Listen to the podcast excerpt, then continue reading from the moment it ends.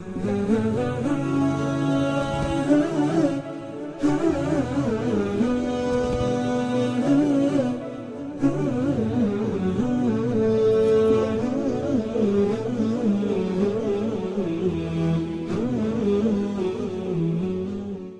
الله الرحمن الرحيم الحمد لله رب العالمين وصلى الله وسلم وبارك على سيدنا ونبينا محمد وعلى اله وصحبه اجمعين اللهم علمنا ما ينفعنا وانفعنا بما علمتنا وارزقنا الإخلاص والسداد في القول والعمل يا رب العالمين. حياكم الله والاخوه والأخوات في هذا الدرس الثلاثين بعد المئة من دروس التعليق على تفسير البيضاوي رحمه الله.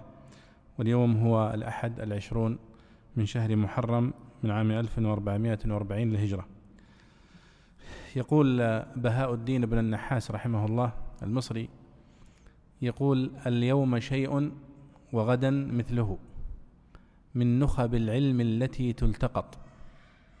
يحصل المرء بها حكمة وإنما السيل اجتماع النقط. وهذا معناه أنه على طالب العلم أن يصبر ويثبت ويستمر في الدرس وفي المراجعة وفي البحث وفي السؤال حتى يتخرج وينضج في طلب العلم. فإن الزمن جزء مهم جدا في تربية طالب العلم وفي تعلمه. ولذلك الشافعي رحمه الله عندما قال أخي لن تنال العلم إلا بستة سأنبيك عن تفصيلها ببيان ذكاء وحرص واجتهاد وبلغة وصحبة أستاذ وطول زمان. طول زمان إشارة إلى أن الزمن عنصر مهم جدا في تعلم العلم وفي النبات وفي التخرج بالعلم والفهم. أقول هذا تعليقا على يعني هذه الدروس الآن وصلنا فيها إلى رقم 30 بعد 100 ووصلنا اليوم إلى آخر سورة النساء. وهذا يعتبر إنجاز كبير ولله الحمد لأن عبد الله بن عمر رضي الله عنه عندما انتهى من سورة البقرة بعد أن مكث فيها ثمان سنوات أولم بوليمة كبيرة ودعا إليها عدد من الصحابة والتابعين رضي الله عنهم فرحا واغتباطا بانتهائه من هذه السورة. والمقصود أنه انتهى منها فهما ودراسة وتعلما وتفسيرا. وصلنا اليوم إلى الآية الواحدة والسبعين بعد المئة من سورة النساء وهي قول الله تعالى يا أهل الكتاب لا تغلوا في دينكم. فنبدأ على بركة الله. تفضل يا شيخ أحمد. بسم الله والحمد لله والصلاة والسلام على رسول الله صلى الله عليه وسلم. اللهم اغفر لنا ولشيخنا وللحاضرين والمستمعين والمتابعين. اللهم آمين. قال الإمام البيضوي رحمه الله: يا أهل الكتاب لا تغلوا في دينكم. الخطاب للفريقين. غلت اليهود في حط عيسى عليه الصلاة والسلام حتى رموه بأنه ولد من غير رشده. من غير رشدة. نعم. أحسن الله إليكم حتى رموه بأنه ولد من غير رشدة. والنصارى في رفعه حتى اتخذوه إلها. وقيل الخطاب للنصارى خاصة فإنه أوفق لقوله ولا تقولوا على الله إلا الحق يعني تنزيهه عن عن الصاحبة والولد. إنما المسيح عيسى بن مريم رسول الله وكلمته ألقاها إلى مريم أوصلها إليها وحصلها فيها. وروح منه وذو روح صدر منه لا بتوسط ما يجري مجرى الأصل والمادة له وقيل سمي روحا لأنه كان يحيي الأموات أو القلوب. فآمنوا بالله ورسله ولا تقولوا ثلاثة أي الآلهة ثلاثة الله والمسيح ومريم. ويشهد عليه قوله تعالى أأنت قلت للناس اتخذوني وأمي إلهين من دون الله؟ أو الله ثلاثة إن صح أنهم يقولون الله ثلاثة أقانيم الأب والابن وروح القدس. ويريدون بالأب الذات وبالابن العلم وبروح القدس الحياة. انتهوا عن التثليث. خيرا لكم نصبه كما سبق. إنما الله إله واحد أي واحد بالذات ولا ولا تعدد ولا تعدد فيه بوجه ما. سبحانه أن يكون له ولد أي أسبحه تسبيحا من أن يكون له ولد. فإنه يكون لمن يعادله مثل ويتطرق إليه فناء. له ما في السماوات وما في الأرض ملكا وخلقا لا يماثله شيء من من ذلك فيتخذه ولدا. وكفى بالله وكيلا. تنبيه على غناه عن, عن على غناه عن تنبيه على غناه تنبيه على غناه عن عن الولد. فإن الحاجة إليه ليكون وكيلا لأبيه والله سبحانه وتعالى قائم بحفظ الأشياء كاف في ذلك مستغن عمن يخلقه أو يعينه. نعم. يقول الله سبحانه وتعالى بعد الآيات التي مرت معنا يا شباب وهي تتحدث عن آه الأخطاء والمعاصي والذنوب التي وقع فيها اليهود خصوصا. ثم آه جاء الحديث عن النصارى ثم الآن الحديث هنا في قوله يا أهل الكتاب لا تغلوا في دينكم. وأهل الكتاب إذا أطلقت فالمقصود بها اليهود والنصارى. ودائما إذا جاءت النداء بأهل الكتاب ففيه إشارة إلى توبيخهم. إذ إنهم أهل كتاب سماوي والأولى بهم أن يكونوا أكثر الناس هداية واتباعا للحق لأنهم لديهم من الله وحي وعلم يدلهم على الصواب ويحذرهم من الخطأ. ولكنهم بالرغم من أنهم من أهل الكتاب ومن أهل العلم إلا أنهم قد ضلوا وخالفوا أوامر الله سبحانه وتعالى التي أنزلها عليهم في هذا الكتاب. فقوله هنا يا أهل الكتاب لا تغلوا في دينكم الخطاب للفريقين كما يقول البيضاوي هنا. قال الخطاب للفريقين يعني لليهود وللنصارى. غلت اليهود في حط عيسى عليه الصلاة والسلام حتى رموه بأنه ولد من غير رشدة. وأيضا من غير رشدة.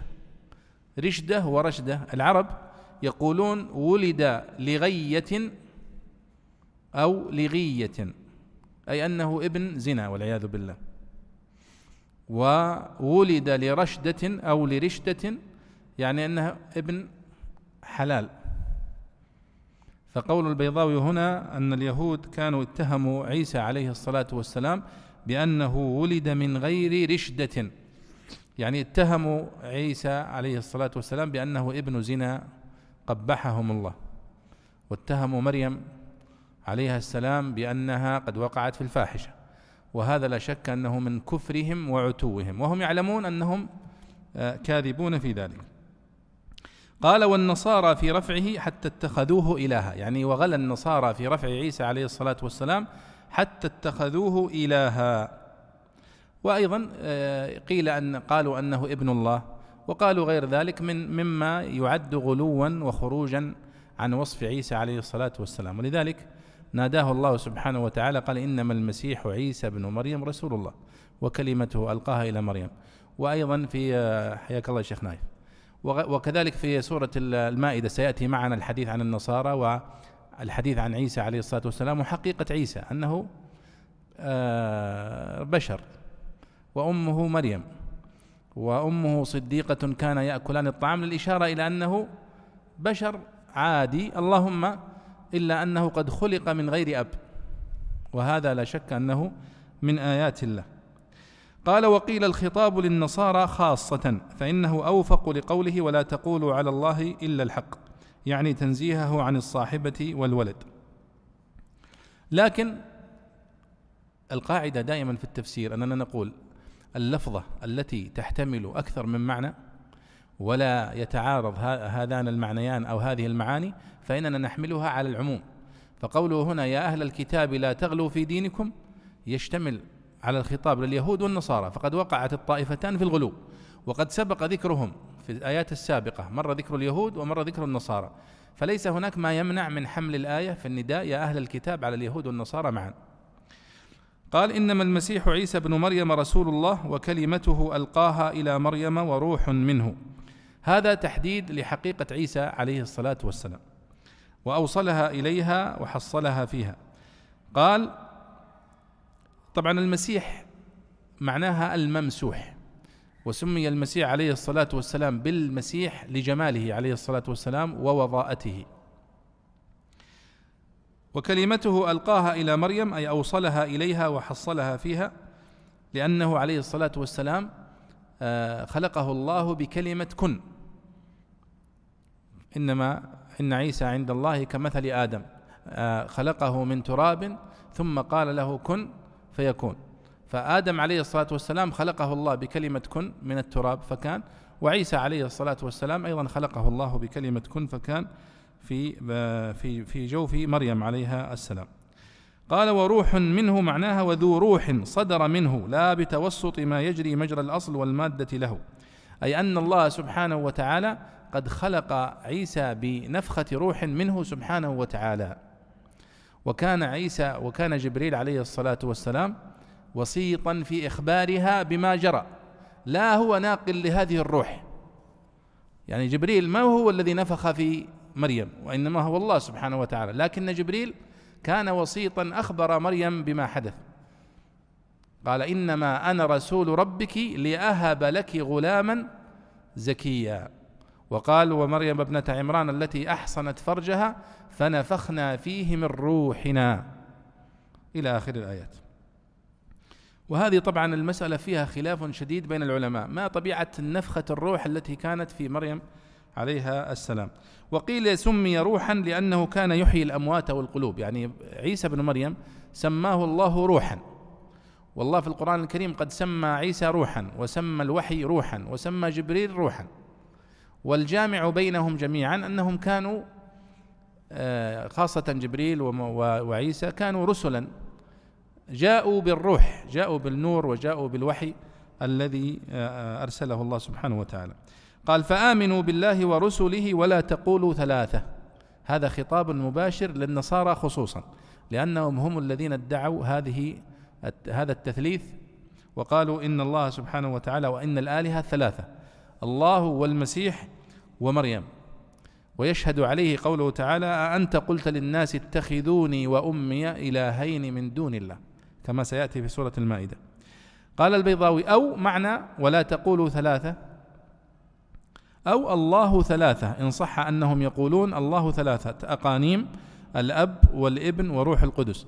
وهذا المعنى الذي ذكره البيضاوي هنا هو المعنى المنتشر عند النصارى في شرحهم لقولهم الأب والابن وروح القدس. ولذلك الشعار المعروف عند النصارى هو هذا أنهم يضعون أيديهم هنا ثم يضعونها هنا ثم يضعونها هنا. إشارة إلى هذا التثليث في عقيدتهم. وأيضا آه، الصليب يأخذون من الصليب مع أن الصليب كما ذكرنا في المحاضرات السابقة كما يزعمون أن عيسى بن مريم صلب عليه. فاتخذوا هذا الصليب شعارا للمسيحية مع أنه كان الأولى بهم أن لا يفعلوا ذلك لأنه يعني آه، علامة على قتل آه، عيسى. والله قد أنكر ذلك ونفاه ويريدون بالأب الذات وبالابن العلم وبروح القدس الحياة. انتهوا خيرا لكم. يعني انتهوا عن عقيدة التثليث خيرا لكم. إنما الله إله واحد. أي واحد بالذات لا تعدد فيه بوجه ما. شوفوا مثل هذه العبارة يا شباب وهذه نادرة تمر علينا. كلام البيضاوي في تفسير التوحيد. الأشاعرة في تفسيرهم للتوحيد يرون فيه أن المقصود بالتوحيد وحدة الذات وأنه لا ينقسم ولا يتعدد. وهذه كلمة فيها إيهام. لكن أهل السنة والجماعة يقولون أن التوحيد هو معنى قوله سبحانه وتعالى قل هو الله أحد أحد فهو سبحانه وتعالى واحد بالذات وواحد بالصفات وواحد بالأسماء. ولذلك لهم يعني معنى قولهم أن التوحيد أو أن معنى إنما الله إله واحد أي واحد بالذات لا تعدد فيه بوجه ما هذا من الأقوال التي يشرح بها الأشاعرة التوحيد. لهم ثلاثة شروحات يقولون أن الله واحد في ذاته لا قسيم له. وهذا القول هو الذي ذكره البيضاء. أو أنه واحد في صفاته لا شبيه له. أو أنه واحد في أفعاله لا شريك له. وبها يفسرون قول الله تعالى أو قول القول لا إله إلا الله وأن معناها القدرة على الاختراع. طبعا قولهم هنا أن الله واحد آه، لا في ذاته لا قسيم له هي كلمة عامة. فيستفصل منهم. ماذا تقصدون بقولكم أنه واحد لا في ذاته لا قسيم له؟ إن كان معناها عندهم لا ينقسم ولا يتجزأ ولا يتبعض ولا يتعدد ولا يتركب. هذا هو شرحهم لقولهم مت... لا يتعدد. فهذا كلام إن كان المقصود به ما قصده الله في قوله تعالى قل هو الله أحد. الله الصمد. أنه سبحانه وتعالى أحد. فرد صمد. لم يلد ولم يولد وأنه يمتنع أن يتفرق أو يتجزأ فهذا حق. وهذا هو منهج أهل السنة في قول في معنى التوحيد توحيد الذات أنه صمد فرد أحد لم يلد ولم يولد ولم يكن له كفوا أحد. لكن إن قصد به نفي علوه لأن هذا هو الذي يقصدونه. يقصدون أنه لا ينقسم ولا يتعدد لكي ينفوا بعض الصفات مثل صفة العلو. فيقولون أنه لا يمكن أن يكون الله مستويا على عرشه. بسبب فهمهم للتوحيد. يقولون أنه يقصدون به نفي العلو والمباينة للخلق وأنه لا يشار إليه ولا ينزل كما يشاء متى شاء أن الله سبحانه ينزل في آخر الليل. يقول ابن تيمية رحمه الله تعليقا على قولهم هنا ليس مرادهم بأنه لا ينقسم ولا يتبعض أنه لا ينفصل بعضه عن بعض وأنه لا يكون إلهين اثنين ونحو ذلك مما يقول نحوا منه النصارى والمشركون. فإن هذا مما لا ينازعهم فيه المسلمون وهو حق لا ريب فيه وكذلك كان علماء السلف ينفون التبعيض عن الله بهذا المعنى. وإنما مرادهم بذلك أنه لا يشهد ولا يرى منه شيء دون شيء ولا يدرك منه شيء دون شيء. بحيث إنه ليس له في نفسه حقيقة عندهم قائمة بنفسها. يمكنه هو أن يشير منها إلى شيء دون شيء أو يرى عباده منها شيئا دون شيء بحيث إذا تجلى لعباده يريهم من نفسه المقدسة ما شاء.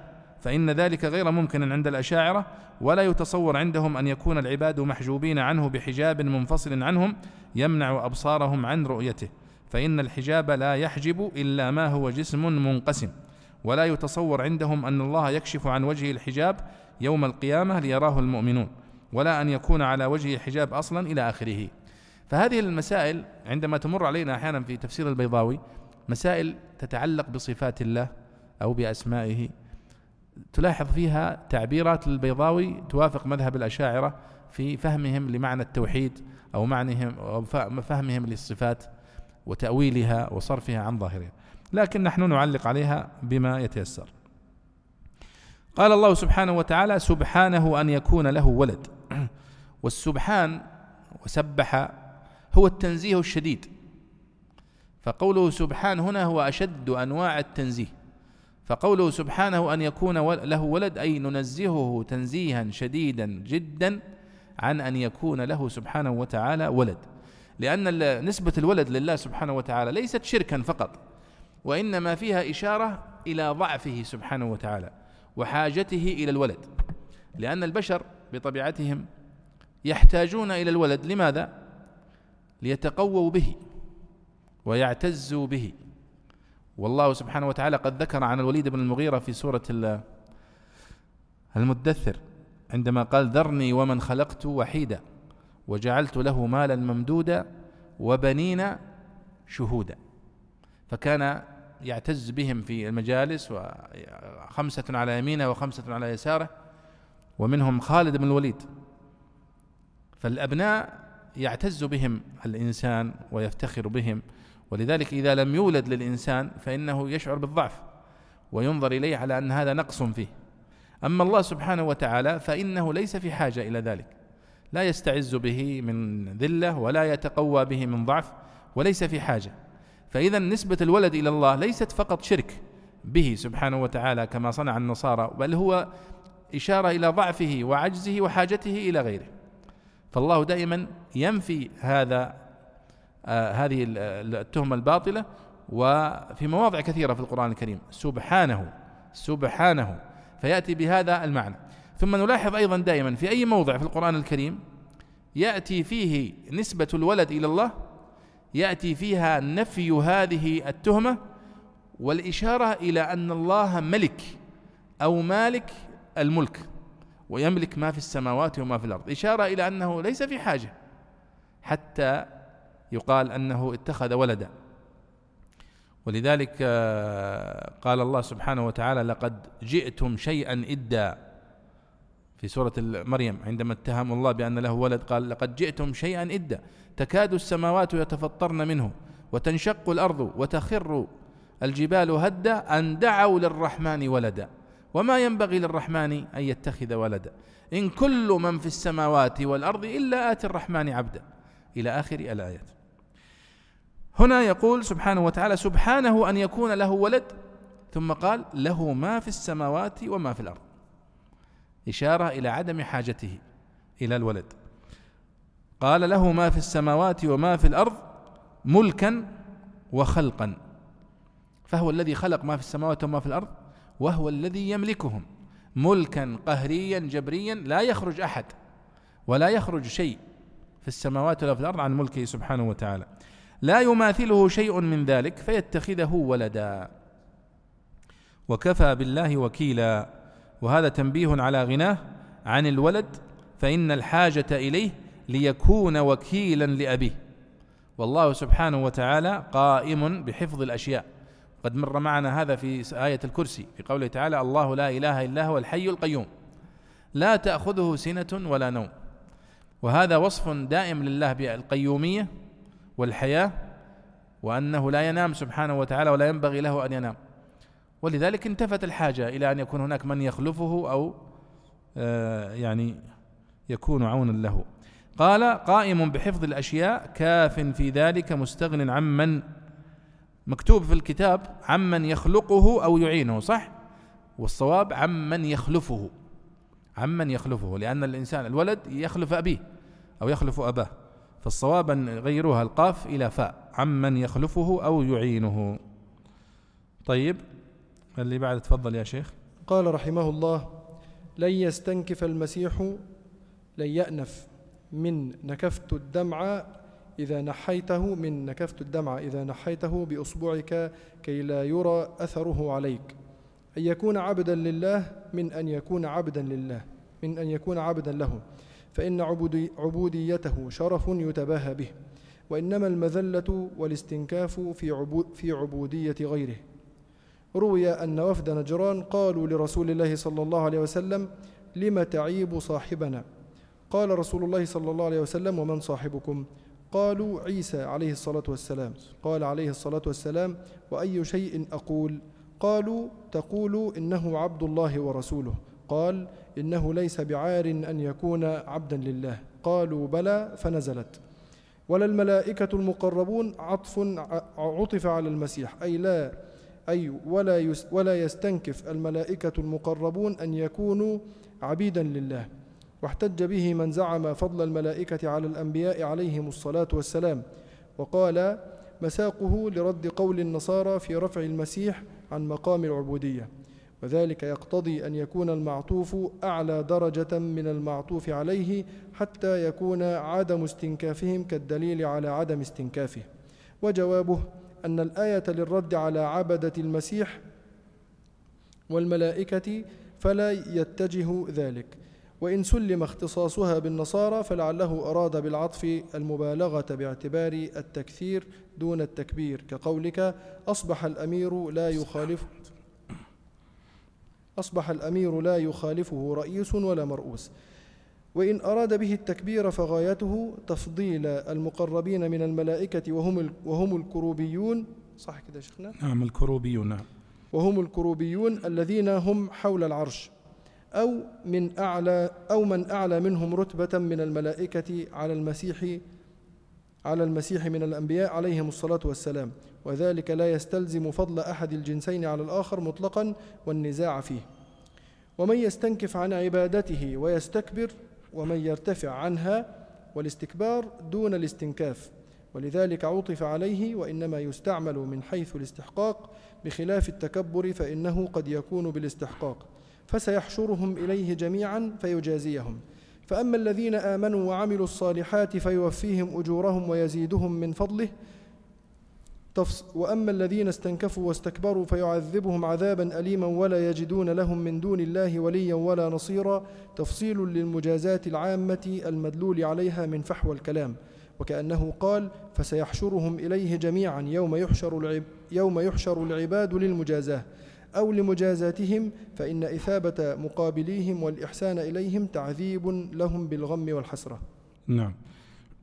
نعم عندما قالوا الآن غلوا الله سبحانه وتعالى في الآية السابقة يقول يا أهل الكتاب لا تغلوا في دينكم لأنهم بالغوا في رفع عيسى عليه الصلاة والسلام عن مكانته.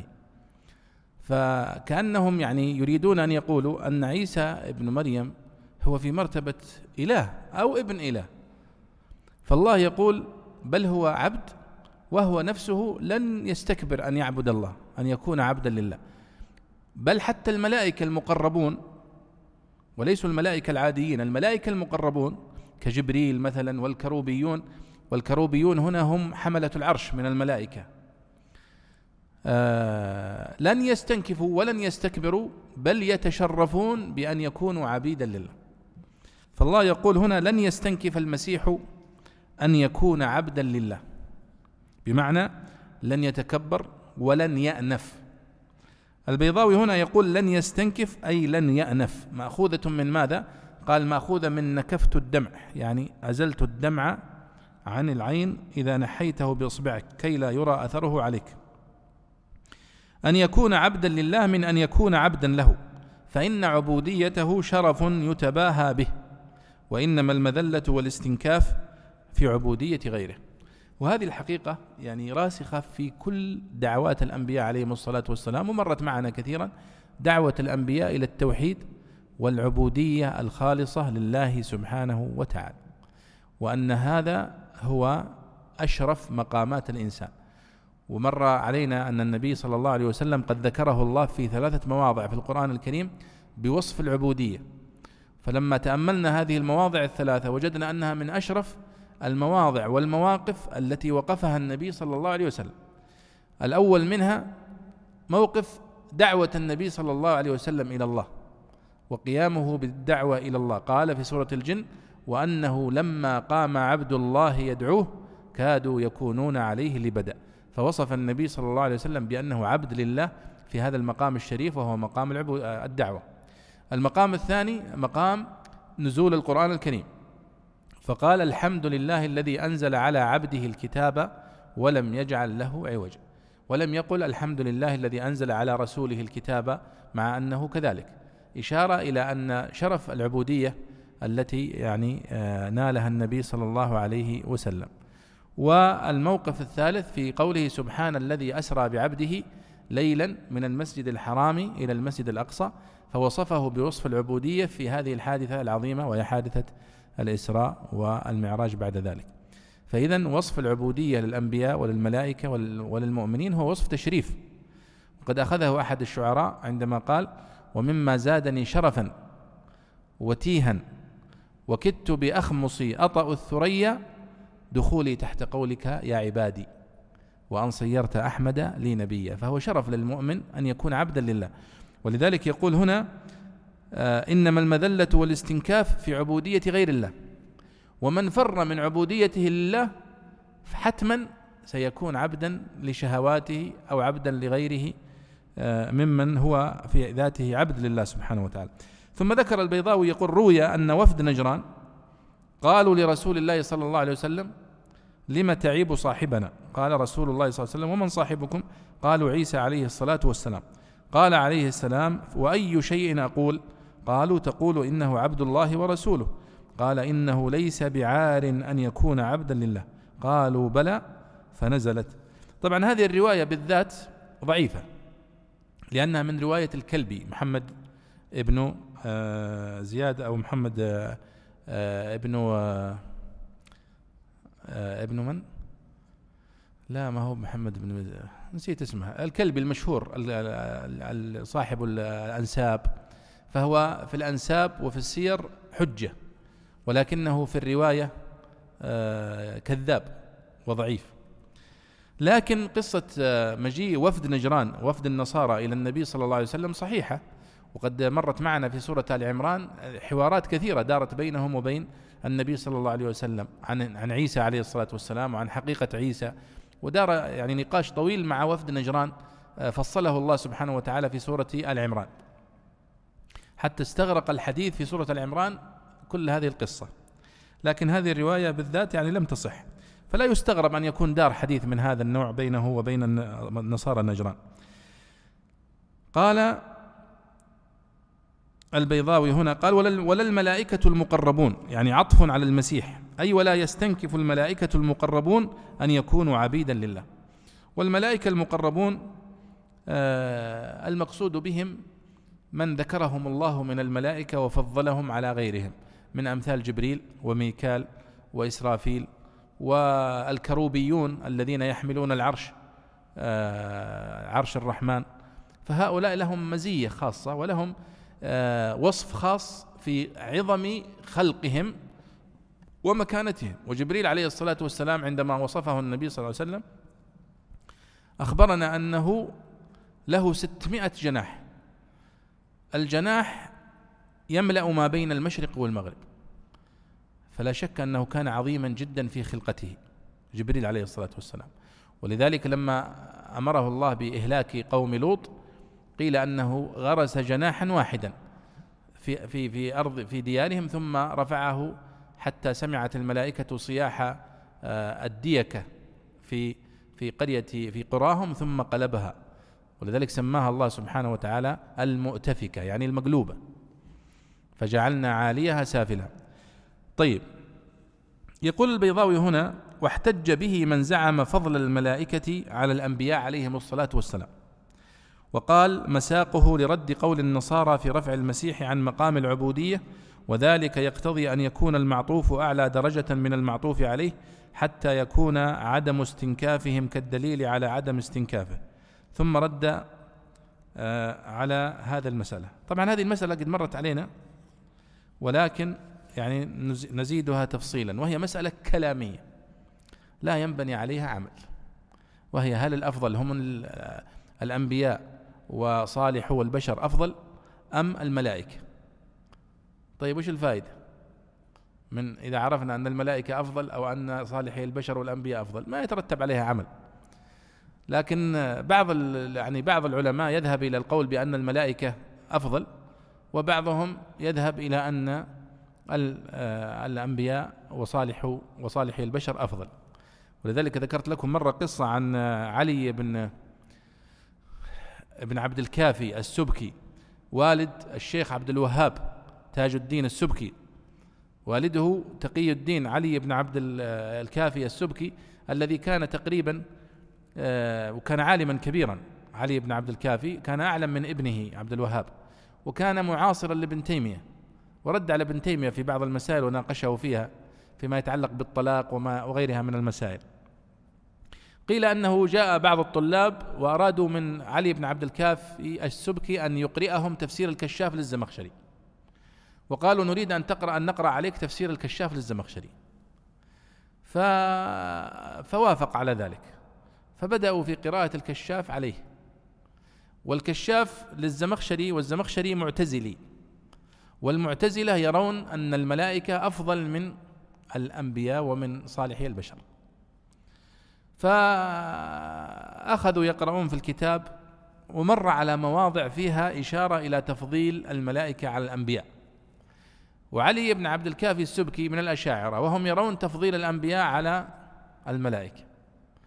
فلما وصل إلى قوله تعالى آه وما صاحبكم بمجنون. في سورة سورة الانشقاق أو التكوير سورة التكوير. في قوله علمه شديد أو آه، علمه شديد ذو مرة فاستوى آه، ثم دنا فتدلى. لا قال آه، وصف جبريل في الآيات بثلاث صفات.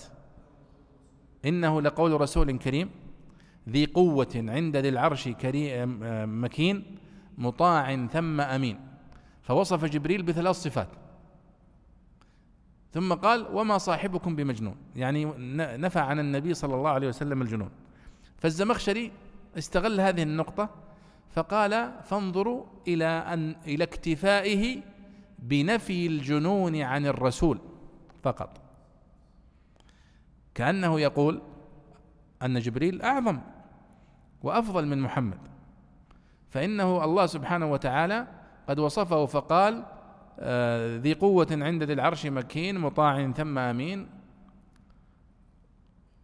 وقال لرسول كريم واكتفى في مدح النبي صلى الله عليه وسلم بأنه قال وما صاحبكم بمجنون. فغضب علي بن عبد الكافي السبكي من قول الزمخشري هذا ورمى كتاب الكشاف من يده ورفض أن يكمل الدرس الدرس. وكتب رسالة جميلة سماها الانكفاف عن إقراء الكشاف.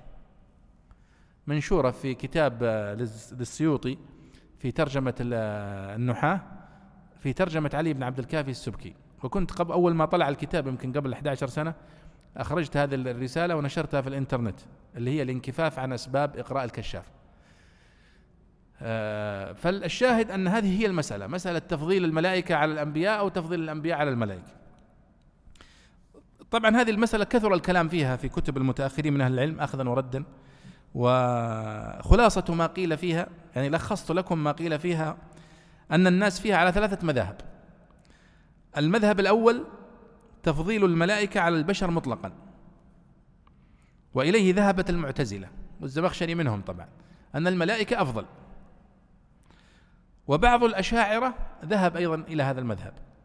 وابن حزم أيضا في في كتابه في العقيدة في في بعض المسائل في المحلى وفي الفصل في الملل والنحل يذهب إلى تفضيل الملائكة مطلقا على البشر. وبعض أهل السنة أيضا رأى هذا المذهب وبعض الصوفية واستدلوا بأدلة من كتاب الله ومن السنة النبوية. منها قوله سبحانه وتعالى في بني آدم وفضلناهم على كثير ممن خلقنا تفضيلا ولم يقل وفضلناهم على كل من خلقنا وإنما قال وفضلناهم على كثير ممن خلقنا بدليل أن هناك قليل ممن خلقنا هم أفضل من البشر. وهم الملائكة. ووجهها كقوله أيضا في سبح آه، أيضا في آه، قوله سبحانه وتعالى لن يستنكف المسيح أن يكون عبدا لله التي معنا هنا واستدل بها كما ذكر البيضاوي. يقول هنا واحتج به من زعم فضل الملائكة على الأنبياء عليهم الصلاة والسلام. ولذلك البيضاوي لا يرى هذا الرأي هو يرى أن تفضيل صالح البشر على الملائكة. ومثل هذا دال لغة على أن المعطوف أفضل من المعطوف عليه لن يستنكف المسيح أن يكون عبدا لله ولا الملائكة. فإذا الملائكة أعظم. وأيضا في قوله سبحانه وتعالى قل لا أقول لكم عندي خزائن الله ولا أعلم الغيب ولا أقول لكم أني ملك. فهذا إشارة إلى أن أن الملائكة عند الأنبياء إذن أعظم منهم. يقول أنا ما قلت لكم أني ملك. أنا إنسان عادي بشر. والمعنى عندهم أني لا أدعي فوق منزلتي. وبقوله صلى الله عليه وسلم يقول الله تعالى أنا عند ظن عبدي بي وأنا معه إذا ذكرني فإذا ذكرني في نفسه ذكرته في نفسي. وإن ذكرني في ملأ ذكرته في ملأ خير منه. وهو نص في الأفضلية أن الملائكة أعظم من البشر. وهي أدلة آه، يعني قوية إلا أن المخالفين ردوا هذه الاستدلالات و ويعني أجابوا عنها. القول الثاني تفضيل الأنبياء وصالح البشر على الملائكة وهو مذهب جمهور أهل السنة والجماعة. وكذا جمهور الأشاعرة أيضا منهم البيضاوي هنا. واستدلوا بأدلة ظاهرة الدلالة مثل قوله سبحانه وتعالى وإذ قلنا للملائكة اسجدوا لآدم. فسجدوا. إلا إبليس أبى واستكبر وكان من الكافرين. وقالوا الفاضل لا يسجد للمفضول. ما دام أمر الملائكة بالسجود لآدم فإذا هم خير آه، يعني آدم أو صالح البشر من الملائكة من الأنبياء والصالحين خير من الملائكة. وقوله سبحانه وتعالى ولقد اخترناهم على علم على العالمين. إشارة إلى الأنبياء. وقوله سبحانه وتعالى إن الله اصطفى آدم ونوحا وآل إبراهيم وآل عمران على العالمين. هذا في الأنبياء. أما في صالح البشر فكقوله سبحانه إن الذين آمنوا وعملوا الصالحات أولئك هم خير البرية أي خير المخلوقات مطلقا ففضلهم حتى على الملائكة. وهي أدلة قوية إلا أن أيضا المخالفين ردوا عليه ولذلك جاء قول ثالث وهو التوقف والسكوت عن التفضيل وهو الأولى والأفضل لأنه ليس هناك ثمرة للتفضيل الملائكة على على صالح البشر أو العكس ما فيها فائدة ولذلك التوقف عنها خير من الحديث فيها وكثير فيها الجدل والاستدلالات التي لا تنتهي. طيب. قال الله سبحانه وتعالى ومن يستنكف عن عبادته ويستكبر فسيحشرهم إليه جميعا. وهذا تهديد. أن الله سبحانه وتعالى يقول هؤلاء الذين يستنكفون عن عبادة الله ويستكبرون فسوف يحشرهم الله إليه جميعا يوم القيامة. ومعنى ذلك ثم يحاسبهم. قال ومن يرتفع عنها والاستكبار دون الاستنكاف. ولذلك عطف عليه. وإنما يستعمل من حيث الاستحقاق بخلاف التكبر فإنه قد يكون بالاستحقاق فسيحشرهم إليه جميعا فيجازيهم. وهذا من كلام البيضاوي في دقائق اللغة في تفريقه بين العبارات المتقاربة مثل عبارة الاستنكاف والاستكبار.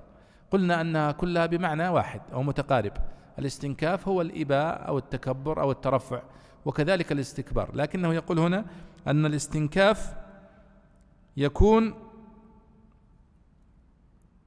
مع عدم الاستحقاق والتكبر قد يكون مع الاستحقاق أو أو غير ذلك أو العكس.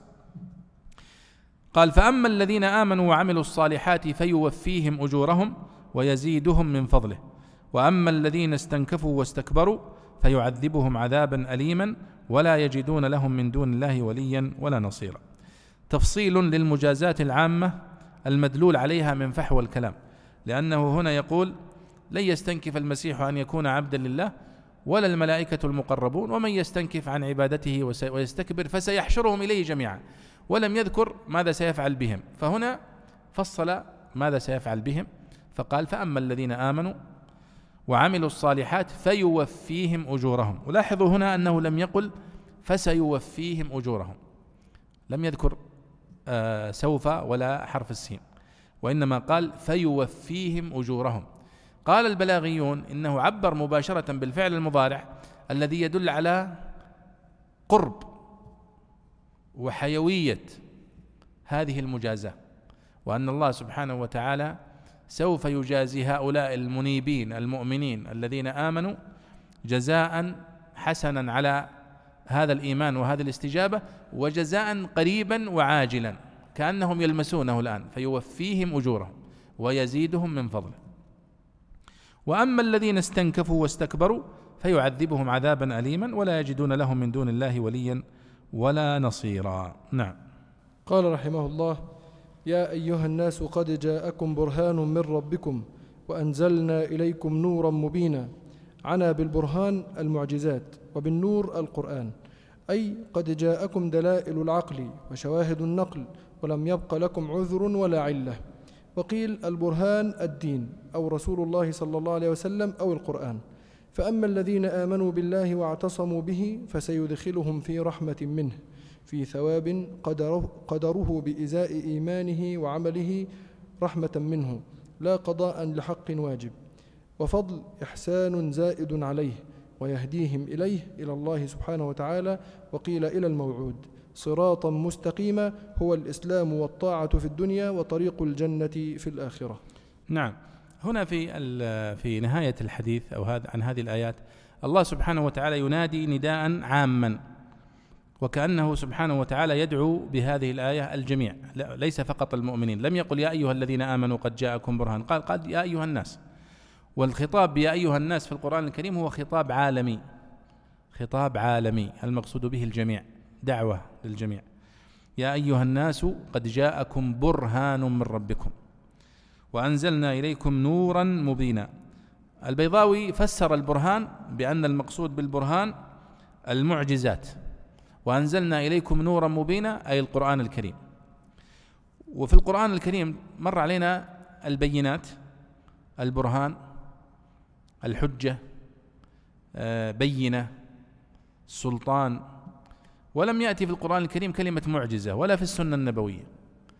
والمقصود بها هو ما أنزله الله سبحانه وتعالى أو ما بعثه مع أنبيائه مصدقا لهم ودال ودالا على صدقهم في نبوتهم.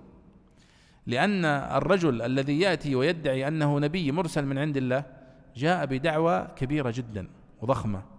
واحد يمشي مع الناس ويروح يعني يروح ويغدو مع الناس وفجأة يقول أنا رسول من عند الله. أصلا لو واحد يقول أنه رسول من مدير جامعة ولا رسول من رئيس الأركان ولا رسول من الملك ما تصدقه حتى يأتيك ببينة. أليس كذلك؟ بل إنه لو جاءك خطاب من مسؤول كبير غير موقع ما تطمئن إليه. ولو جاءك موقع توقيع ضعيف أو غير مرقم برقم أو الظرف مفتوح شككت في الموضوع صح؟ وهو مرسول من شخص قريب منك يعني تستطيع تتصل عليه وتتأكد منه. لماذا؟ لأن كلما كانت المسألة التي جاء بها المدعي كبيرة ومهمة كلما احتجت فيها إلى التوثق والتأكد. فهذا رجل يقول أنا مرسل من عند الله. هذه صراحة دعوة ليست سهلة. فالنبي صلى الله عليه وسلم مثلا كان مع قريش أربعين سنة يبيع ويشتري ويغدو ويروح وما عمره ادعى دعوة أنه نبي أو أنه ولا أحد في في أجداده القريبين كان يدعي هذه الدعوة. فجأة ينادي للناس ويقول آه، أنا مرسل من عند الله. هذه صراحة دعوة ما هي سهلة. ولذلك آه، كان الأنبياء دائما في حاجة إلى ما يؤيدهم ويجعل الآخرين يصدقونهم ولا يملكون إلا أن يصدقوهم. إلا من كان في قلبه مرض آه، يكذب عنادا و, يعني تكبرا ونحو ذلك. فالله سبحانه وتعالى يقول يا أيها الناس قد جاءكم برهان من ربكم والبرهان هنا المقصود به كل المعجزات التي أرسل بها الأنبياء. ابتداء أو ختاما من محمد صلى الله عليه وسلم الآن وإلى مرورا بعيسى وموسى وإبراهيم وإلى آخره. والنبي صلى الله عليه وسلم قد أخبرنا في الحديث الصحيح كما في صحيح البخاري ما من نبي من الأنبياء إلا وقد أوتي من الآيات ما مثله آمن عليه البشر. وكان الذي أوتيته وحيا أوحاه الله إلي. فأرجو أن أكون أكثرهم تابعا يوم القيامة. هذا الحديث يدل دلالة صريحة على أن كل نبي من الأنبياء جاء بمعجزة أو أكثر ونحن نقول آية أو برهان يؤيد ما جاء به. ولذلك قوم أقوام الأنبياء يتفاوتون لكنهم بصفة عامة متشابهون في في الخطوط الرئيسية. فيهم تعنت ويطالبون بآيات آه، مثلا قوم صالح لما أرادوا أن يتعنتوا مع قوم صالح وكان هناك صخرة عظيمة في آه، في وسط آه، أرضهم. فقالوا لن نؤمن لك حتى تخرج لنا من هذه الصخرة ناقة. يعني هذا طلب غريب. أنك تخرج لنا من هذه من هذه الصخرة ناقة تشهد بنبوتك. فالله سبحانه وتعالى أجابهم وخرج وخرج لهم ناقة صالح. وكانت ضخمة جدا. بدليل أنهم كانوا هم أصحاب غنم وأصحاب إبل وأصحاب فكانت وكان لديهم مشكلة في السقي في الآبار والمياه. فسببت لهم مشكلة هذه الناقة. أصبحت كل مواشيهم وهم يشربون يوما والناقة تشرب يوم. فخلصت عليهم الموية. وسببت لهم مشكلة من ناحية المياه. قال الله سبحانه وتعالى لها شرب ولكم شرب يوم معلوم. حتى كان ما كان من آه، يعني آه، مؤامرتهم لقتل هذه الناقة وقتلوها كما ذكر الله سبحانه وتعالى. فنادوا صاحبهم فتعاطى فعقر إلى آخر الآيات. فهناك تعنت. قوم محمد صلى الله عليه وسلم كانوا كذلك أيضا. تعنتوا في طلب المعجزات. وقالوا لن نؤمن لك حتى تفجر لنا من الأرض ينبوعا أو ترقى في السماء ولن نؤمن لرقيك حتى تنزل علينا كتابا نقرأه. قل سبحان ربي هل كنت إلا بشرا نبيا. ولذلك الله سبحانه وتعالى ما استجاب لهم في كل ما طلبوه لأنهم متعنتين. لكن كثير من من من طلبوه أو بعض ما طلبوه حققه الله لهم. ولم يستجيبوا. ولذلك حتى بني إسرائيل كانوا من أكثر الأمم التي أيدت بالآيات والمعجزات ولكن بالرغم من ذلك ما اسلموا وما استجابوا وذكر الله سبحانه وتعالى عنهم في سورة الأعراف أنهم بعد أن أعطوا الآيات كذبوا فرفع الله الطور فوق رؤوسهم. قال الله سبحانه وتعالى في سورة الأعراف وإذ نتقنا الجبل فوقهم كأنه ظلة يعني زي السحابة فوق رؤوسهم. تهديد لهم إما تؤمنون وإلا أطبق الجبل عليهم قال وإذ نتقنا الجبل فوقهم كأنه ظلة وظنوا أنه واقع بهم. خذوا ما آتيناكم بقوة واذكروا ما فيه لعلكم تتقون. فاستجابوا. فلما زال عنهم هذا التهديد رجعوا. وذكر الله عنهم قصص كثيرة من يعني مجيء الآيات وتكذيبهم بها. فإذا قوله هنا قد جاءكم برهان من ربكم المقصود بها المعجزات التي أرسلها الله مع الأنبياء سواء كانت معجزات حسية أو كانت معجزات عقلية. والمعجزات الحسية المقصود بها ما تشاهد بالعين أو تلمس باليد مثل معجزة ناقة صالح مثل عيسى عليه الصلاة والسلام كان يبرئ الأكمه والأبرص بإذن الله ويحيي الموتى بإذن الله مثل النار التي دخل وقع فيها إبراهيم فلم يتضرر آه، مثل شق البحر لموسى ومن معه. ونحو ذلك. هذه معجزات حسية مثل عيسى موسى عليه الصلاة والسلام عندما ألقى عصاه فإذا هي ثعبان. هذه معجزة حسية ترى بالعين. مشكلة المعجزات الحسية أنها لا تقوم الحجة بها إلا على من شاهدها أو لمسها أو رآها أو يعني كان معاصر لها. ولذلك تبقى الحجة بها في زمنها ثم الزمن الذي يليها ثم تضعف. نحن لولا أن الله أخبرنا بقصة ناقة صالح وانشقاق البحر لموسى وإحياء عيسى للموتى ما كنا نعرف عن ذلك شيئا. لكن معجزة النبي صلى الله عليه وسلم الكبرى كانت هذا القرآن. وهذا معنى قول النبي صلى الله عليه وسلم وكان الذي أوتيته وحيا أوحاه الله إلي. فأرجو أن أكون أكثرهم تابعا يوم القيامة. لأن هذه المعجزة التي يعني بين أيدينا اليوم هي معجزة عقلية وليست حسية. ولذلك تستمر دلالتها باستمرارها وعدم تحريفها وعدم العبث بها تقوم بها الحجة. ولذلك أكثر من يدخل في الإسلام اليوم يدخلون في الإسلام بسبب القرآن ترى بقراءتهم له أو فهمهم لبعض الآيات فيه ونحو ذلك. هنا مسألة يا شباب مسألة علمية في كتب الدراسات القرآنية اليوم وهي كتب إعجاز القرآن. كتب إعجاز القرآن يعني هناك كتب كثيرة بهذا العنوان إعجاز القرآن. هناك من يعترض على هذه التسمية فيقول لم يرد في القرآن الكريم ولا في السنة النبوية لفظة المعجزة أو الإعجاز. وإنما ورد لفظ البرهان كما في هذه الآية. ورد لفظ الآية البينة الحجة. آه، قالوا يهود ما جئتنا ببينة ونحو ذلك. فهل هذا يعني الاعتراض اعتراض صحيح؟ نقول نعم هو اعتراض صحيح. فعلا لم يرد في القرآن الكريم ولا السنة لفظة المعجزة بما تدل عليه اليوم اصطلاحا. وهي إعجاز المعارضين آه، للقرآن الكريم. فيقال لهم أن لفظة الإعجاز والمعجزة هو الذي نقصده بكلمة برهان وآية وبينة وحجة. لكنه قد تناقلها العلماء من القرن الثاني تقريبا أو الثالث إلى اليوم. فيصعب أنك تستبعدها من كتب الدراسات القرآنية وتأتي بعد بدل المعجزة بكلمة حجة أو بينة. وإلا فلفظة بينة وحجة وبرهان أفضل. من لفظة معجزة. لأن لفظة معجزة أدخلتنا في إشكاليات علمية كثيرة. منها تعريفهم للمعجزة بأنها آه، فعل خارق للعادة أو أمر خارق للعادة مقرون بالتحدي يظهره الله على يد من يدعي النبوة. هي خارقة للعادة هذه مسألة نسبية وليست دائما مقرونة بالتحدي فإنها قد تكون قبل النبوة مثل إرهاصات نبوة النبي صلى الله عليه وسلم. آه، كانت قبل النبوة. وهي تعتبر داخلة في المعجزات. وكذلك كرامات الأولياء تدخل في المعجزات لأنها تدخل تحت معجزات الأنبياء. فكرامة الأولياء هي تدخل تحت معجزات الأنبياء ونحو ذلك. على كل حال نحن نقول أنه لا حرج من استخدام لفظة إعجاز ومعجزة إذا كان المفهوم منها واضحا وظاهرا. قال وقيل البرهان الدين أو رسول الله صلى الله عليه وسلم أو القرآن وهذا اختلاف من باب اختلاف التنوع. فإن يعني البرهان المبين هو القرآن وهو النبي صلى الله عليه وسلم الذي جاء بالقرآن وهو الدين الذي يتضمن القرآن فكلها تؤدي إلى نفس المعنى. طيب.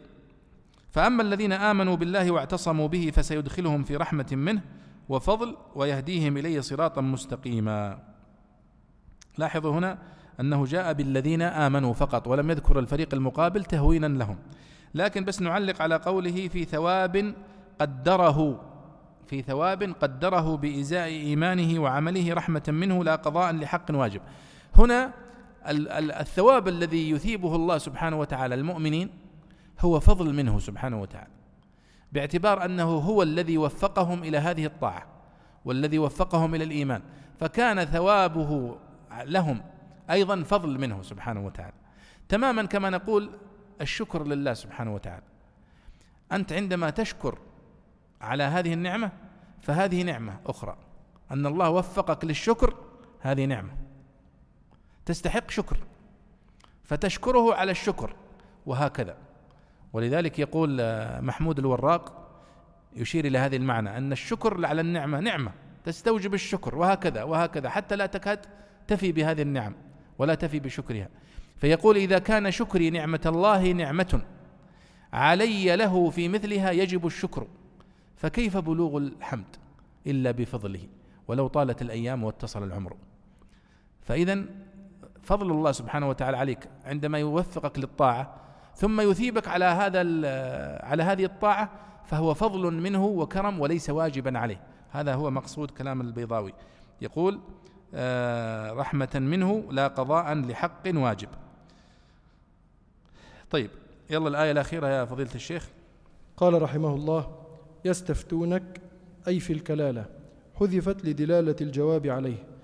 روي أن جابر بن عبد الله جابر بن عبد الله كان مريضا فعاده رسول الله صلى الله عليه وسلم فقال إني كلالة فكيف أصنع في مالي؟ فنزلت وهي آخر ما نزل من الأحكام.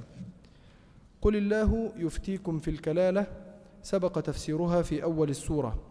إن امرؤ هلك ليس له ولد وله أخت فلها نصف ما ترك ارتفع امرؤ بفعل يفسره الظاهر وليس له ولد صفة له أو حال من المستكن في هلك والواو في وله يحتمل الحال والعطف والمراد بالأخت الأخت من الأبوين أو الأب لأنه جعل أخوها عصبة وابن الأم لا يكون عصبة. والولد على ظاهره فإن الأخت وإن ورثت مع البنت عند عامة العلماء غير ابن عباس رضي الله تعالى عنهما لكنها لا ترث النصف. وهو يرثها أي والمرء يرث إن كان الأمر بالعكس إن لم يكن لها ولد ذكرا كان أو أنثى إن أريد بيرثها يرث جميع مالها. وإلا فالمراد به الذكر إذ البنت لا تحجب الأخ. والآية كما لم تدل على سقوط الأخوة على سقوط الإخوة بغير الولد لم تدل على عدم سقوطهم به. وقد دلت السنة على أنهم لا يرثون مع الأب وكذلك وكذا مفهوم قوله قل الله يفتيكم في الكلالة إن فسرت بالميت فإن كانتا اثنتين فلهما الثلثان مما ترك الضمير لمن يرث بالأخوة بالأخوة الضمير لمن يرث بالأخوة. وتثنيته محمولة على المعنى. وفائدة الإخبار عنه باثنتين التنبيه على أن الحكم باعتبار العدد دون الصغر والكبر وغيرهما. وإن كانوا إخوة رجالا ونساء فللذكر مثل حظ الأنثيين أصله وإن كانوا إخوة وأخوات فغلب المذكر. يبين الله لكم أن تضلوا أي يبين الله لكم ضلالكم الذي من شأنكم. إذا خليت إذا خليتم وطباعكم لتح لتحترزوا عنه وتتحرروا وتتحروا خلافه أو يبين لكم الحق والصواب كراهة أن تضلوا وقيل لئلا تضلوا فحذف لا وهو قول الكوفيين فحذف لا وهو قول الكوفيين والله بكل شيء عليم فهو عالم بمصالح العباد في المحيا والممات عن النبي صلى الله عليه وسلم من قرأ سورة النساء فكأنما تصدق على كل مؤمن ومؤمنة. وورث ميراثا وورث ميراثا وأعطي من الأجر كمن اشترى محررا. وبرئ من الشرك وكان في مشيئة الله تعالى من الذين يتجاوز عنهم. نعم. هذه هي الآية الأخيرة من سورة النساء وهي الآية السادسة والسبعين بعد المئة وهي آية من آيات المواريث الرئيسية. بين الله فيها آه، ميراث الرجل الذي يموت وليس له ولد ولا والد وإنما لديه إخوة أو أخوات. وهذا الذي يسمى الكلالة. يقول الله سبحانه وتعالى يستفتونك قل الله يفتيكم في الكلالة. يستفتونك أي في الكلالة؟ حذفت لدلالة الجواب عليه. يعني لقوله يستفتونك قل الله يفتيكم في الكلالة. إذا معناه يستفتونك عن الكلالة إذا فلأن جاء بعد الحديث السياق عن السؤال عن الكلالة. آه ثم ذكر طبعا حديث جابر رضي الله عنه لعلنا نذكره إن شاء الله بعد الأذان. يستفتونك قل الله يفتيكم في الكلالة. أولا آه لاحظوا يا شباب في قوله يستفتونك. أن السؤال هنا بهذه الصيغة. يستفتونك إشارة إلى عظم مكانة الفتوى في الإسلام وأن الله سبحانه وتعالى هنا قد تصدى لها بنفسه. فقال يستفتونك قل الله يفتيكم في الكلام مما يشير إلى يعني خطورة هذا المكان أو هذا المنصب. ولذلك لعل ابن القيم رحمه الله عندما قال إعلام الموقعين عن رب العالمين إشارة إلى هذا المعنى. معنى أن الذي يفتي فكأنه يتكلم باسم الله ويتكلم في دين الله. لذلك الله سبحانه وتعالى تولى الإجابة هنا عن هذا السؤال. يستفتونك أي في الكلالة؟ حذفت لدلالة الجواب عليه روي أن جابر بن عبد الله رضي الله عنه كان مريضا. فعاده رسول الله صلى الله عليه وسلم فقال إني كلالة فكيف أصنع في مالي؟ فنزلت وهي آخر ما نزل من الأحكام. وهذا الحديث أخرجه الإمام البخاري. وفي فوائد الإمام أو الجابر بن عبد الله كان لم يكن لديه أولاد وكان لديه ثمان أخوات. فسأل النبي صلى الله عليه وسلم سؤالا وقال إني كلالة فكيف أصنع بمالي؟ فنزلت هذه الآية. أول شيء حديث جابر هنا فيه إشارة إلى أن جابر يعرف معنى الكلالة بدليل أنه قال إني كلالة. فكيف نوفق بين هذا وبين الحديث المروي عن أبي بكر الصديق رضي الله عنه في وقت خلافته؟ عندما سئل عن معنى الكلالة فقال أقول فيها برأيي وأستغفر الله. الكلالة من لا والد له ولا ولد. والكلالة سمي بالكلالة لضعفه. يقولون تكلله النسب كالإكليل الذي إكليل الورد الذي يوضع على الرأس فإنه يوضع على أطراف الرأس ولكن وسط الرأس فارغ. فالكلالة يعني يحيط به الورثة إخوة أو أخوات لكن ليس لديه أبناء وليس لديه آباء. فهو ليس له أصل وارث ولا فرع وارث وإنما لديه حواشي أبناء وأخوان وأخوات. فلعل والله أعلم الجواب أن يقال لأن الكلالة من القضايا التي كانت مشكلة على الصحابة رضي الله عنهم. وكان يقول آه يقولون عن عمر رضي الله عنه قال للنبي صلى الله عليه وسلم آه اللهم بين لنا في الكلالة بيانا شافيا. فقال النبي صلى الله عليه وسلم لعمر أولا أولم تكفك آية الصيف؟ يقصد هذه الآية الآية التي في آخر سورة النساء فهي كافية في بيان معنى الكلالة. الكلالة قد مرت معنا في أول سورة النساء في الآية رقم 12 في قوله تعالى وإن كان رجل يورث كلالة أو امرأة وله أخ أو أخت فلكل واحد منهما السدس. هذه في الإخوة لأم.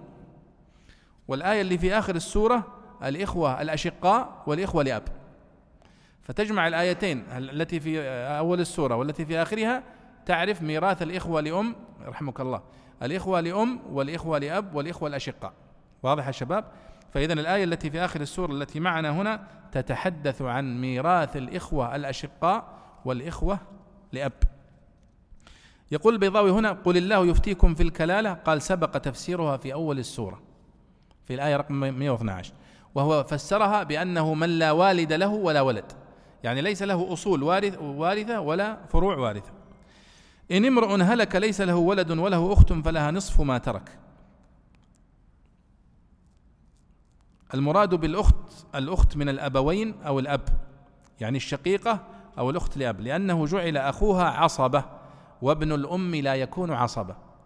وهذا الفرق بين الإخوة الأشقاء والإخوة لأم. الإخوة لأم ميراثهم متساوي. وإن كان رجل يورث كلالة أو امرأة وله أو أخت فلكل واحد منهما السدس. زي بعض. الإخوة لأم. أما الإخوة الأشقاء لا. للذكر مثل حظ الأنثيين. لذلك قال هنا وإن كانوا إخ وإن كانوا إخوة رجالا ونساء فللذكر مثل حظ الأنثيين. هل أشقاء أو لأب؟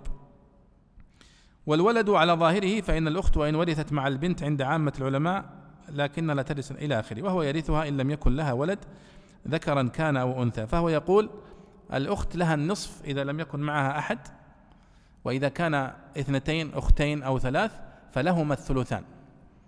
قياسا على البنتين البنت لها النصف البنتان لهما الثلثان ثلاث بنات الثلثان أربع بنات ثلثان خمس بنات إلى آخره. كذلك الأخت لها النصف كما قال هنا إن امرؤ هلك ليس له ولد وله أخت واحدة فلها النصف. وهو يرثها كاملا إن لم يكن لها ولد. الأخ يرث أخته الشقيقة أو لأب يرثها كاملا لأنه عصبة. وهو يرثها قال فإن كانت اثنتين فلهما الثلثان مما ترك. اثنتين أو ثلاث أو أربع فما, فما فوق فهم لهم الثلثان شركاء في الثلثين. وإن كانوا إخوة رجالا ونساء فللذكر مثل حظ الأنثيين يبين الله لكم أن تضلوا والله بكل شيء عليم. يعني يبين الله لكم هذه الأحكام خشية أن تضلوا. فتعطوا من لا يستحق أو تعطوا أكثر من حق أو أقل من حقه. والله بكل شيء عليم فهو عالم بمصالح العباد في المحيا والممات. هذا ختام قول البيضاوي رحمه الله في تفسيره لهذه السورة العظيمة. وفي هذه الآية يا شباب دلالة على أن ترتيب الآيات في السور توقيفي وليس اجتهادي. لماذا؟ لأنه لو كان اجتهادي من الصحابة لكانوا وضعوا هذه الآية بجانب الآيات التي في أول السورة لكي تكون آيات المواريث كلها مع بعض. يوصيكم الله في أولادكم إلى آخر الآيات. وكانوا جابوا هذه وحطوها بجنبها علشان تنتهي المواريث مع بعض. لكن دليل على أنها أنها توقيفية من النبي صلى الله عليه وسلم وليس للصحابة اجتهاد في ترتيبها أنها جاءت في آخر السورة فكملت آه، الحديث عن المواريث. يعني ما كان موجود ميراث الأخوة الأشقاء والإخوة الأب حتى جاءت هذه الآية فأكملت الحديث عن المواريث. هذه فائدة مهمة جدا في علوم القرآن تستنبطها من خلال التفسير ومن خلال الآيات. البيضاوي ختم السورة بحديث آه، موضوع وهذا عيب من عيوب تفسير البيضاوي تأثر بتفسير الزمخشري وتأثروا بتفسير النقاش قبلهم وهو جاءوا بحديث الموضوع الذي رواه الكلبي في أواخر السور وفي فضائل السور. فقال هنا عن النبي صلى الله عليه وسلم من قرأ سورة النساء فكأنما تصدق على كل مؤمن ومؤمنة. طبعا هذا كذب. وورث ميراثا وأعطي من الأجر كمن اشترى محررا وبرئ من الشرك وكان في مشيئة الله تعالى من الذين يتجاوز عنهم. واضح أن هذا الحديث سواليف. واحد متبرع جاء به ولذلك جاءوا بأحدهم قالوا لماذا وضعت هذا الحديث؟ ابن أبي آه ابن أبي مريم. هذا يسمونه نوح ابن أبي مريم. كان كذاب وضع هذا الحديث وجع في كل في كل سورة فضلا. من قرأ هذه السورة آه، جعل الله له سبعين ديكا وفي الجنة وكل ديك فيه سبعين ألف ريشة وكل ريشة فيها من هذا القبيل. لماذا فعلت ذلك يا نوح ابن أبي عصمة؟ قال رأيت الناس قد انصرفوا إلى السير وإلى التاريخ وإلى الأساطير فأردت أن أعيدهم إلى القرآن. قالوا طيب النبي صلى الله عليه وسلم قال من كذب علي متعمدا فليتبوى مقعده من النار. قال أنا ما كذبت عليه أنا كذبت له. ولذلك يعني ذكرها العراقي عندما ذكر الحديث الموضوع قال شر الضعيف الخبر الموضوع الكذب المختلق المصنوع. وكيف كان لم يجيزوا ذكره؟ لمن علم؟ ما لم يبين أمره. يعني البيضاوي هنا مخطئ أنه ذكر هذا الحديث. إلا لو كان ذكر وقد وفي الحديث الموضوع كذا وكذا وبين أنه موضوع. لكن البيضاوي ضعيف في الحديث فجاء به وأخذه من الزمخشري والزمخشري أخذه من النقاش ويلا. وهذا من عيوب هذا التفسير هو هذا الحديث الموضوع الذي ذكر في فضائل السور فإذا نكون بهذا ولله الحمد قد انتهينا من تفسير سورة النساء ونسأل الله أن يتقبل منا ومنكم. وسورة النساء مر معنا أنها سورة مدنية وأنها من السور التي نزلت بعد سورة الممتحنة واشتملت على أحكام كثيرة تتعلق بالنساء ولذلك سميت سورة النساء الكبرى. وافتتحت بقوله تعالى يا أيها الناس اتقوا ربكم. استهلال عظيم في التأثير في الضمائر وفي القلوب الأمر بالتقوى. ثم تحدثت عن حقوق الضعفاء حقوق الأيتام وحقوق النساء وحقوق المساكين والسفهاء وغيرهم. تحدثت عن أحكام النكاح والميراث ووجوب العدة وأيضا تحدثت عن تعدد الزوجات. فانكحوا ما طاب لكم من النساء مثنى وثلاث ورباع وانفردت بهذا الحكم. أيضا تحدثت عن الأمر بالمحافظة على الأموال والأعراض وبيان ما أحل الله وما حرم منها. بينت العقوبات الرادعة عن الاعتداء على الأعراض والأموال والأنفس. تعرضت السورة لكثير من شؤون المنافقين ومآلهم في الآخرة. والله أعلم لماذا جاء الحديث عن المنافقين في سورة النساء وهي تتحدث عن الأيتام والضعفاء؟ لعل في ذلك إشارة إلى أن المنافقين لهم علاقة بهذه القضايا النساء والسفهاء ودائما يثيرون قضايا تتعلق بهؤلاء استغلالا لضعف النساء وما يعني يتصل بذلك. أيضا السورة تحدثت عن المجادلة مع أهل الكتاب وذكر بعض أخبارهم ومعتقداتهم. ورد فيها الأمر بأداء الأمانات والعدل في الأحكام بين الناس والرد إلى الله والرسول عند التنازع. ثم وردت فيها آية التيمم وصلاة الخوف وصلاة المسافر وبعض أحكام الجهاد وانفردت بها وفيها أيضا الأمر بالإحسان إلى الوالدين ذوي الأرحام رعاية حقوق الجار وابن السبيل والرقيق وغير ذلك من المقاصد التي اشتملت عليها هذه السورة العظيمة آه، التي نسأل الله سبحانه وتعالى أن يرزقنا وإياكم الفقه فيها. آه، نختم ببعض الأسئلة.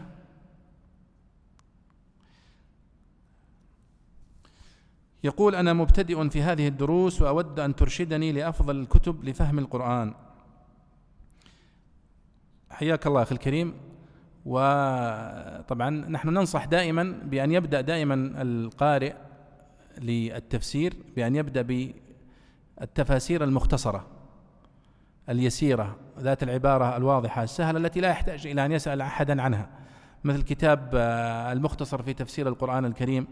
الذي أصدره مركز تفسير أو كتاب الميسر في التفسير الذي أصدره مجمع الملك فهد أو مختصرات تفسير ابن كثير المصباح المنير التيسير في تفسير ابن في اختصار تفسير ابن كثير ونحوها. هذه الكتب المختصرة في التفسير مثل أيسر التفاسير لكلام العلي القدير للشيخ أبو بكر الجزائري. هذه الكتب يا أخي الكريم تعينك في فهم القرآن الكريم بسهولة. ثم تتدرج في تفسير ابن كثير مثلا تفسير البغوي ثم تفسير البيضاوي الذي نقرأ فيه والجلالين من التفاسير التي فيها عبارة مغلقة وتحتاج إلى شرح ونحو ذلك. آه، يقول ما هو الفرق بين تفسير القرآن وتدبر القرآن؟ الفرق بينهما أن التفسير هو بيان المعاني. التفسير هو بيان المعنى والتدبر هو ما وراء المعنى. ما وراء المعنى. مثلا قوله سبحانه وتعالى إذا جاء نصر الله والفتح. ورأيت الناس يدخلون في دين الله أفواجا. فسبح بحمد ربك واستغفره إنه كان توابا هذا هذا السورة سأل عمر بن الخطاب الصحابة الذين كانوا معه عن معناها. فقالوا واضحة. الله سبحانه وتعالى يقول للنبي صلى الله عليه وسلم إذا جاء نصر الله والفتح أي فتح مكة. ورأيت الناس يدخلون في الإسلام أفواجا يعني جماعات. قبائل تدخل في الإسلام. فسبح بحمد ربك واستغفره يعني أكثر من التسبيح والاستغفار. إنه كان توابا. وهذا تفسير وصحيح فلما سأل ابن عباس جاء بتدبر. فقال إن هذه السورة إشارة إلى قرب أجل النبي صلى الله عليه وسلم. من وين جابها؟ قال معنى الآية إذا جاء أو السورة إذا جاء نصر الله والفتح يعني فتح مكة ورأيت الناس يدخلون في دين الله أفواجا فهذا علامة دنو أجلك واكتمال أدائك للرسالة. خلاص. فأكثر من التسبيح والاستغفار آه، في صلاتك وفي غيرها. ولذلك كان النبي صلى الله عليه وسلم يكثر من الاستغفار والتسبيح في الركوع استجابة لهذا الأمر في هذه السورة كما قالت عائشة رضي الله عنها. هذا الذي جاء به ابن عباس تدبر والذي جاء به الصحابة تفسير. فنحن نقول دائما التفسير هو بيان المعنى والتدبر هو معنى المعنى أو ما وراء المعنى من المعاني. آه، هنا يقول ما معنى الكروبيون؟ هل هي تسمية فلسفية للملائكة المقربين أم واردة في السنة المطهرة؟ بل هي واردة في السنة المطهرة. واردة في حديث عن النبي صلى الله عليه وسلم مشهور بحديث الكروبيين وهو في دواوين السنة وله شرح. حديث عن الكروبيين ومكانتهم وماذا يقولون. آه، هنا سؤال نختم به. يقول ما مر معنا في الدروس السابقة قول الله عز وجل ومن يكفر بالله وملائكته وكتبه ورسله واليوم الآخر ذكر خمسة من أركان الإيمان. لماذا لم يذكر الركن السادس وهو القدر؟ آه، أركان الإيمان الستة هي ما ذكره في هذه الآية. زائد أن تؤمن بالقدر خيره وشره. لكن ليس في كل المواضع يذكر كل الأركان وإنما في كل موضع وفي كل آية يذكر من الأركان ما يناسب السياق الذي وردت فيه. فمثلا على سبيل المثال عندما يأتي الحديث والوعيد عن المعاصي التي ترتكب فيحسن أن يحذر الإنسان من اليوم الآخر مثلا. فمثل قوله سبحانه وتعالى ويل للمطففين. الذين إذا اكتالوا على الناس يستوفون. هنا التحذير من التطفيف في المكاييل والغش في الموازين. فيحتاج الوعيد والتهديد هنا أن يذكر هؤلاء باليوم الحساب بالذات. فيقول الله سبحانه وتعالى ألا يظن أولئك أنهم مبعوثون ليوم عظيم يوم يقوم الناس لرب العالمين؟ فجاء الذكر أو تذكيرهم باليوم الآخر. لأنه هو المناسب لهذه الآية ولهذا السياق. وقيس على ذلك بقية المواضع قد يذكر فيها آه، القضاء والقدر في بعض الآيات دون بقية الأركان وفي بعض المواضع يذكر عدد من الأركان الإيمان بالله واليوم الآخر. وهذا من أكثر الأركان التي تكرر الحديث عنها. الذين يؤمنون بالله واليوم الآخر ولا يؤمنون بالله ولا باليوم الآخر. وهما من أركان الإيمان الستة لأهمية هذين الركنين ولي يعني ارتباطها بالسياق الذي وردت فيه هذه الآيات. أسأل الله سبحانه وتعالى أن يفقهنا جميعا في كتابه الكريم وأن يرزقنا حسن الفهم وحسن العمل والاستجابة لأوامر الله سبحانه وتعالى. إنه سميع مجيب. وصلى الله وسلم على سيدنا ونبينا محمد وعلى آله وصحبه أجمعين.